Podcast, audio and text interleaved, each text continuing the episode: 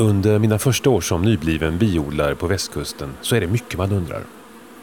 Jag har så glatt gått en nybörjarkurs och det är ju en bra början. Men under året dyker det hela tiden upp nya frågor. Man skulle ha någon som kunde det där med bin och biodling. Någon man kunde fråga. Jag tar hjälp av Stefan Hellström, mångårig biodlare och numera pensionerad bitillsyningsman. Kan han svara på mina frågor? I detta avsnitt. Vi hade en honung nu som smakar lök. Alla familjens burkar smakade lök. Jag heter Joakim Jalin och det här är Biodlartips. Stefan berättar att han äntligen har kommit med i honungskommittén i vår lokala biförening. Men vad gör de egentligen? De provar honung. Man kan ju lämna in till sin förening honung och så får man den bedömd på något sätt.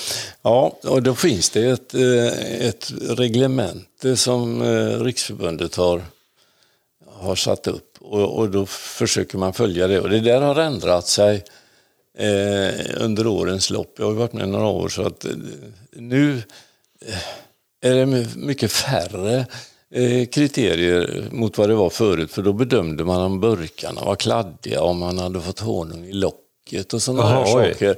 Men nu är det liksom bara smaken och renheten man letar efter partiklar i och sådär. Jaha, det där är reglementet som eh, gäller för hela landet då på ja, sätt? Ja, visst. Och det, det ska man då ha genomgått och få ett godkänt prov för att få använda SPRs etiketter. Så egentligen är det det som ligger till grund för alltihopa. Så att när man har blivit godkänd på det här provet, då får man lov att använda etiketten? Ja, ja det är så man gör för att få Man den här. får inte köpa den om man eh, inte har ett godkänt prov. Så att eh, vi gör alltså en bedömning en gång om året och så skickas det upp centralt till eh, Riksförbundet. Och så när någon beställer etiketter så kollar de upp där att, eh, att, eh, att man är med på den listan så att säga. Och det är den här klassiska etiketten då med sån här blågul remsa som går ner och så står det, ja vad står det egentligen? Svensk honungs... Sveriges Biodlares Riksförbund står det och så Svensk honung och så finns det lite vad heter det, beskrivningar. Just det, den är ju väldigt klassisk egentligen, hela ja, etiketten där. Det är ju en av de äldsta varumärkena tror jag i Sverige, så är det den där. Mm -hmm. Så jag, när jag är ute på marknader och så, här, så brukar jag alltid berömma folk som har den där och säger att det är roligt att du använder den gamla. Jag var i, I lördags var vi på Gustavsberg i Uddevalla och där stod det två stycken och, och med honung. Och den ena hade etiketter och så stod det en kvinna bredvid, hon hade egna etiketter. Så då kunde jag inte undvika att berömma honom, för jag tycker man ska använda den. Ett tag så var det till och med så att nästan alla i Riksförbundets styrelse, de undvek den där, de hade egna etiketter allihopa. Aha, vad kan det bero på? Jag vet inte om det är snåligt, de kostar ju en krona styck. Ja, ja, det är klart. Det är klart. Ja. Men är, är, det inte så att vissa, man kan nästan tycka att det, ser, det är för professionellt också? Att, att honung förknippar man med någonting som är hemmagjort, ungefär som hembakat eller ja. hemmaodlat på något sätt. Då har man en för professionell etikett som dessutom är officiell. Så blir det liksom en köphonung snarare än en hemmagjord honung. För jag menar, Ja, fast jag tror också att folk eh, säger Åh, har du sån honung? När man kommer med den etiketten. Det var jag ute för. Jag gav bort den till, när jag var på sjukhuset till tjejerna där. Ah, är, du, är, du, är, du, är du med? Är du, får du en sån eh, etikett? sa de då. Så att eh, folk känner ju igen den där och de vet att det här är svensk honung i dem. Mm. Så att jag tycker man... Ja, då ska man lämna in på provning helt enkelt och då kan man få lov att använda sån etikett. Just det. Men och hur gick det nu när du hade så här prov? Har du varit på första sån än? Eller? Nu har du ja. blivit inbjuden ja. till att prova då helt enkelt? Ja, jag har blivit utvald. Vi har ju ett, i föreningen ett schema och så vi väljer in en ny varje år. Och så är det ett rullande schema på fem år, så fem år är man med där. Och sista året så är man sammankallande och lite chef för den hela. Och då får man vara med och prova honungs... Ja, alla de burkarna som medlemmarna har lämnat in då provar man. Eh, och då sitter man en kväll där och, och smakar och letar eh, eh, föroreningar eller ja, prickar i honungen. Och så finns det en, en eh, skala hur man bedömer det där, hur många poäng man får. Och så. Hur Är det precis som när man provar vin, så att man måste liksom skölja ur munnen med någonting annat? Vad, vad sköljer ni med? Nej, det gör vi inte. Alltså, honungen är olika och vi bedömer inte den eh, om den är godare än en annan. Utan det är egentligen bara så att den inte smakar främmande eh, smak. Vi, mm. hade, vi hade en honung nu som smakar lök. Och det visade sig att det var en, han hade barn och sånt också, som också hade lämnat in varsin burk. Alla familjens burkar smakade lök. Mm.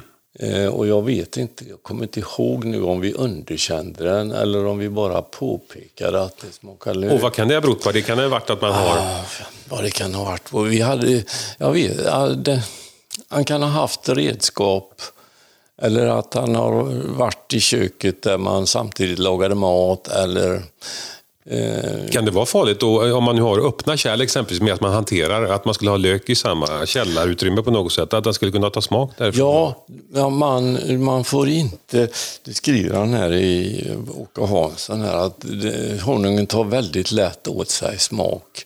Så att eh, man, man får inte ha något främmande smaker i det och man måste skölja allting väldigt väl. Eh, vi hade något år när föreningens honung Eh, i bigården smakade diskmedel eller tvättmedel. Eh, alltså, väldigt lite, men eh, det är helt skönjbart. Och då hade vi förmodligen diskat utrustningen, eller någon hade diskat med för mycket diskmedel utan att skölja det ordentligt. Mm -hmm. Och han påpekade, nu är det inte det aktuellt längre, röka får man absolut inte göra i ett slungrum. För Just det. det tar smak. Blir det rökt honung. ja, det känns inte riktigt aktuellt idag. Du hänvisar till den här boken. Vad heter boken förresten? Ja, det är boken om bina av Åke Hansson. Det, den börjar bli gammal nu, men eh, det är, det är våran bibel så att säga. Eh, där står allting man behöver kunna. Inte så mycket om varva längre. Eh, för han, den hade inte kommit då, men, men allting annat finns där och gammal erfarenhet. Just det, som att man inte ska röka i när man slungar honung. Ja, han var, jag tror han var professor i bi, biprofessor. Aha. Så att han, han var verkligen den stora auktoriteten på slutet på 1900-talet. Den här tiden på året så närmar sig en av de saker man som biodlare kanske mest ser fram emot. I alla fall när man är nybörjare. Skattning. Det är ju att man tar hand om honungen från de översta lådorna i kupan. Ja, de lådor man just kallar för skattlådor. Som nybörjare så är det såklart extra spännande att se hur mycket honung bina samlat ihop under sommaren. Men, frågar Stefan, när ska man skatta egentligen? Ja, det finns ju lite olika eh, metoder för det där. Man kan ju antingen skatta, ja, man, ska, man ska skatta när honungen är mogen. Eh, ja, just det. Och, och, och det, då ska man bedöma det, att den är mogen. Och hur vet man att den är mogen då? Då vet man det genom att bina eh, gör, lägger ett vaxlock över cellerna. Eh, för att då står den sig, då kommer det inte någon fukt och då kan de äta den på vintern. Så när, vaxlock, när kakorna är täckta med vaxlock, då kan man skatta om man vill. Eller också kan de sitta kvar så att man tar all, all honungen samtidigt. Ja, just det, man behöver inte ta en och en utan Nej. man kan låta dem sitta kvar Nej. då tills det är dags att skatta eller när man har ja. tid. Sen så, så säger de ju att, eh, eller erfarenheten säger att, att om man skattar allt eftersom honungen är mogen och ger dem nytt så stimulerar den bina att samla mera men det är mer arbete också eh, att springa där och sen så ska man då eh, antingen slunga den direkt men har man inte särskilt mycket så är det ju väldigt bökigt att dra fram och söla ner allting. Så men, låt säga att man bara tar några ramar i taget, så att säga. då måste man ersätta de ramarna med någonting annat? Ah, det måste man inte, men man kan ju minska, minska eh, utrymmet så att säga till dem. Men risken är att de bygger vaxfritt så att säga. Så man ger dem ju ofta honungsramar. Men, Med mellanväggar då? Mellanväggar, ja, ja. Eller utbyggda ramar. För när man väl har slungat sen så kan man ju ge tillbaka dem. Ja just det, då är de jättebra. Då är de jättefina. Vet du, då de, så, att, eh, så kan man ju också göra. Men, men eh, som småbiodlare, som vi, jag har väl slungat två gånger, gör jag kanske oftast. Eh, men... Eh, ja, per säsong då? Per säsong, ja. ja just det. Och när är det första gången ungefär? Första gången är väl, har väl varit nu någonstans. Eh, draget för det mesta börjar väl ta slut i slutet på juli. Då är det inte så mycket blommor. Men sen är man ju lite snål och låter dem ha kvar lite grann och ska, tror att man ska få hösthonung också. Eh, och nu, här har ju funnits det här ute på kusten som vi är på. Men eh, det skogar igen här ute också. Det var därför jag frågade förut om, om din ljung här. Ja, just det. För att andra omgången efter sommarhonungen så är det inte så mycket blommor kvar. Nej, då blir det mest ljung som är kvar då. Mycket ljung som är... Inga trädsorter egentligen heller som finns där. Linden är ju rätt så sen men eh, den har väl blommat över nu också i, i augusti. Eh, men eh, oftast, mest är det ju eh, ljunghonungen så här på, på sensommaren. Så för de som har, och de som bor alldeles ute efter kusten här, de får ju ofta det. Vad är skillnaden då när man skattar på mitt på sommaren där, eller slutet av sommaren, och slutskattning egentligen? Ja, eh, slutskattningen är lite svårare att få mogen. För risken är ju att, att man får med eh, vattenhalt i. Eh, honungen får ju inte ha högre vattenhalt än 20 procent. För eh, ja, ljunghonungen får ha det enligt det här honungsbedömningsreglementet. Mm -hmm. Men risk, ja, den får ha 23. Men risken är med, med det att den ändå jäser. Eh, och det är det man råkar ut för. Och Ja, precis. Om man har för hög vattenhalt i honungen, det är det man riskerar då, att den jäser helt enkelt. Ja, då, då riskerar man Hur ser det ut förresten? Ja, den tar aldrig slut. Man kan äta hur mycket som helst och det blir, lika, det blir mer och mer i den. Och det måste lukta konstigt kanske också? Ja, det luktar ju lite jäst, men det är ju inget farligt så sett. Men, men eh, locket eh, pöser över och sådana där saker. Eh, jag har en gång sålt honung till affären och den jäste för dem i hyllorna där. och damerna kom tillbaka med dem och sa att de inte ville ha det. Så jag fick ersätta dem med en, en ny omgång där. Eh, så den står ju lite ljust och för varmt i hyllorna i en butik. Så att eh, det hjälper ju till att få den att jäsa. Man ska inte behöva ha det så. Då hade jag ingen, inget att mäta vattenhalten med utan eh, Nej, precis. Så att när man eh, tar honungen då så vill man ju också kunna veta, särskilt när man slutskattar, för då har det varit en mer regnperiod. Som man tittar på hur det har varit nu till exempel, så har det ju varit störtskurar vissa dagar och det är ganska blött i gräsmattan. Och... Risken är att när, om man har för stort utrymme i samhället i så här års, eh, eller för lite bin, alltså att man eh, skattar av och sätter till nya, då har de svårt att hålla Eh, fukten borta, bina, och då suger honungen åt sig vatten. Eh, vi hade, det var väl en nu som var med i bedömningskommittén som vi underkände. Hon hade mer än 20 procents, strax över. Men, och henne hade jag varit och tittat i hennes bigård. Och hon hade precis så, hon hade lite för lite bin och hon slungade inte, skattade inte förrän, tror jag, fram i oktober. Jag tror jag var där i oktober och då hade hon inte skattat dem än. Och förmodligen var det det som gjorde att, att eh, det var för hög vattenhalt i honungen. Ja, för hög vattenhalt kan alltså göra att man inte blir godkänd av honungskommittén. Men hur gör man för att kontrollera att honungen verkligen har rätt vattenhalt? Vattenhalten går att kontrollera på många sätt. Och den här mognadsgraden, det finns ju några grejer man kan göra för att se att den är mogen. Dels så ska det vara, säger man, att två tredjedelar av eh, kakan ska vara täckt. Eh, om, om draget plötsligt tar slut så producerar inte bina någon, någon vax heller, utan då slutar de att täcka också. Men, men de bearbetar ju honungen så den blir torr ändå. Va? Så även honung som inte är täckt kan ha rätt vattenhalt? Ja, precis. Och eh, ett sätt är då att skaka, skaka kakan. När man skakar av bina så, så märker man om det skvätter. Då är det alldeles för, eh, För, alltså för, då är den inte färdig. Just det, det har jag märkt när man har lyft upp några kakor på sommaren och mm. vänder runt och letar efter mm. saker.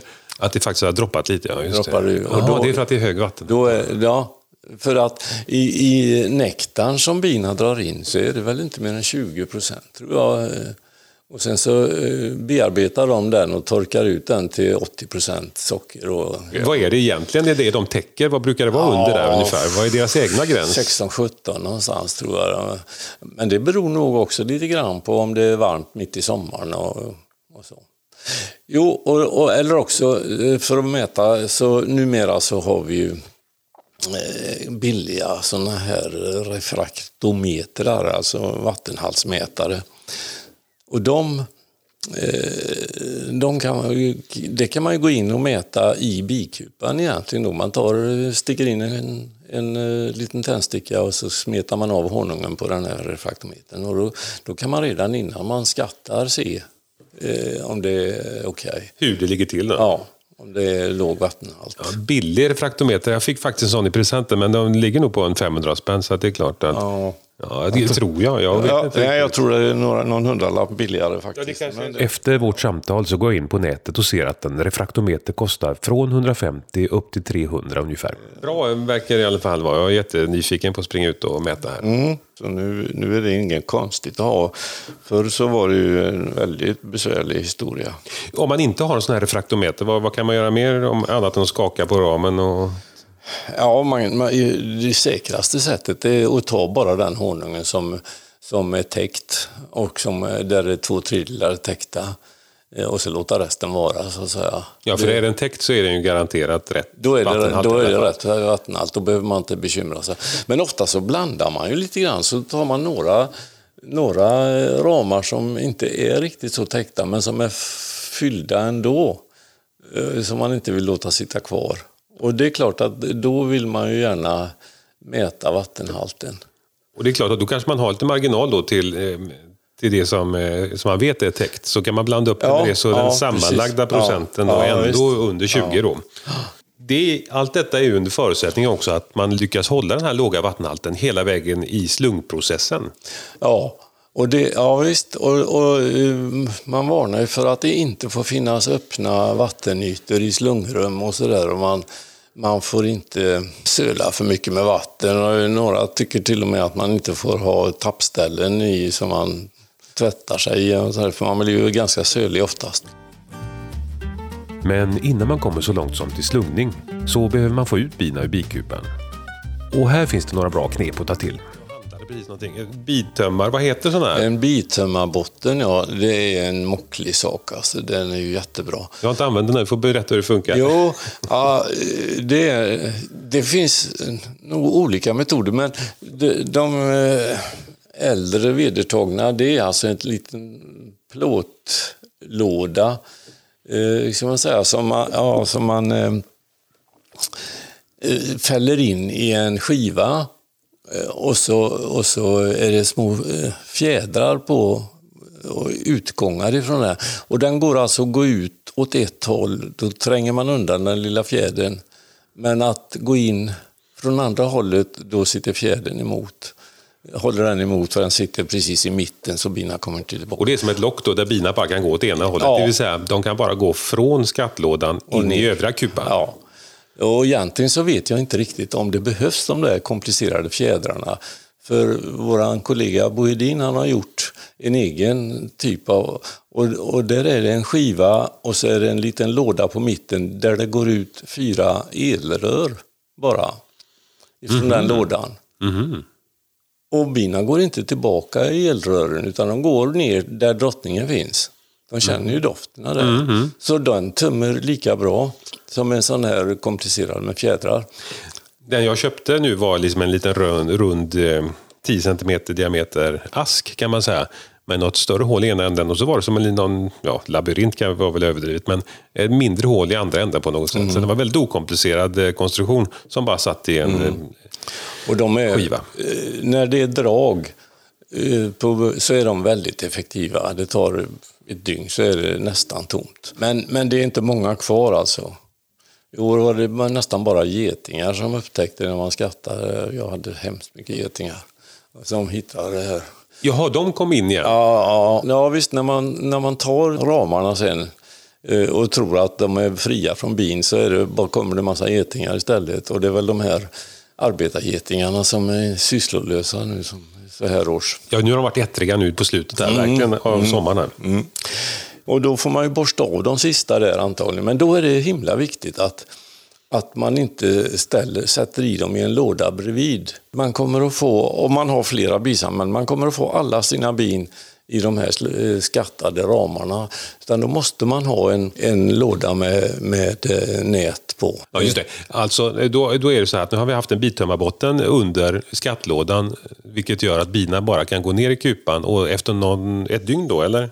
Ja, ja, något sånt. Om det, om det är fint väder och bra drag. Så har man lyckats tömma skattlådan på bin och då är det enkelt att ta ur ramarna för att slunga dem sen då alltså. Och då, och då måste man, och då borstar man ju av för att slippa få med de här sista bina in.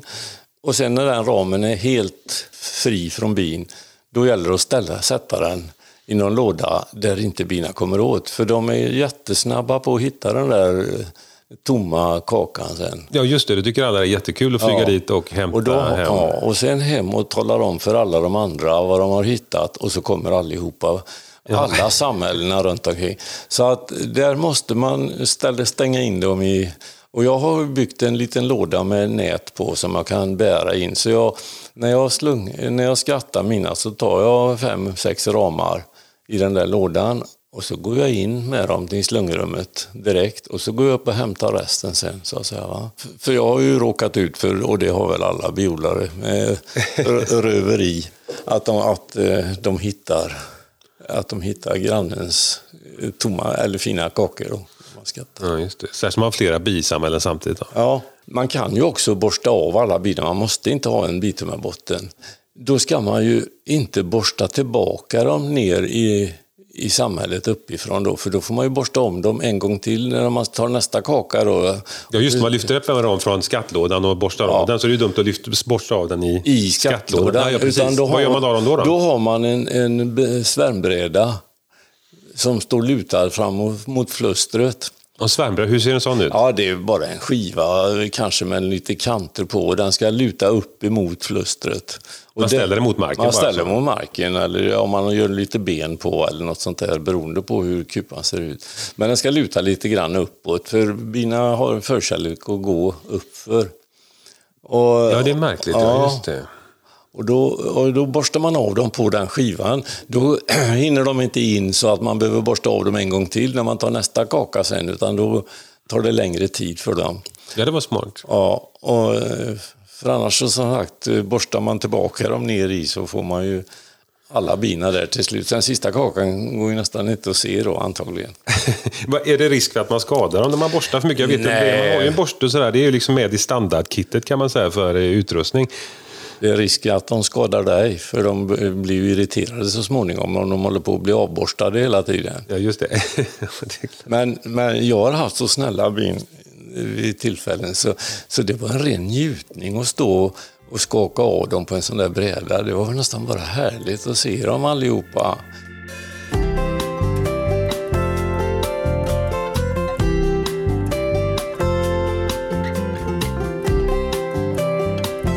Tack för att du har lyssnat på Biodlatips. Vi hörs!